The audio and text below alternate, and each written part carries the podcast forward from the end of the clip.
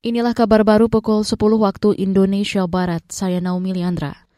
Presiden Joko Widodo hari ini dijadwalkan bertemu Perdana Menteri Jepang Fumino Kishida dan akan diterima Kaisar Naruhito. Jokowi beserta rombongan tiba di Bandar Udara Haneda, Tokyo, Jepang, Rabu dini hari waktu setempat. Beberapa pejabat tampak menyambut kedatangan Jokowi, di antaranya Wakil Menteri Luar Negeri Jepang Miyake Shingo, Dubes Jepang untuk RI Kanasugi Kenji, Dubes RI Tokyo Heri Ahmadi, dan Atase Pertahanan KBRI Tokyo Kolonel Andi Nur Abadi. Dalam kunjungan kali ini, Jokowi didampingi beberapa menteri, di antaranya Menteri Koordinator Bidang Kemaritiman dan Investasi Luhut Binsar Panjaitan, Menteri Luar Negeri Retno Marsudi, Menteri Sekretaris Negara Pratikno, Menteri BUMN Erick Thohir, dan Menteri Investasi Kepala BKPM Pahlil Lahadalia. Makam Brigadir Nopriansyah Yosua Huta Barat atau Brigadir J pagi ini dibongkar untuk dilakukan otopsi ulang. Dikutip dari antara, pihak keluarga sudah berada di tempat pemakaman umum TPU Sungai Bahar di Kabupaten Muaro Jambi sekitar jam 7 pagi.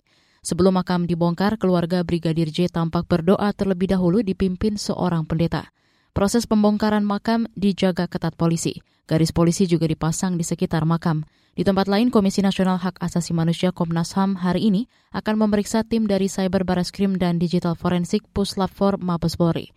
Komisioner Komnas HAM Hoirul Anam mengatakan pemeriksaan diagendakan mulai pukul 1 siang di kantor Komnas HAM, Jakarta. Kami memeriksa pemeriksaan untuk digital dan cyber, digital forensik dan cyber. Hubungannya apa digital forensik? Ngecek semua CCTV. Apa hubungannya cyber? Ngecek semua HP dan komunikasi. Itu tadi Komisioner Komnas HAM Hairul Anam. Menurut keterangan polisi, Brigadir J tewas dalam insiden baku tembak dengan Barada E di rumah dinas Kadif Propam Polri Verdi Sambo 8 Juli lalu. Kita ke lantai bursa.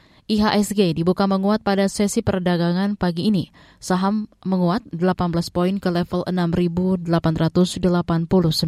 Di awal perdagangan sebanyak 1,6 miliar saham diperdagangkan dengan nilai mencapai 470-an miliar rupiah.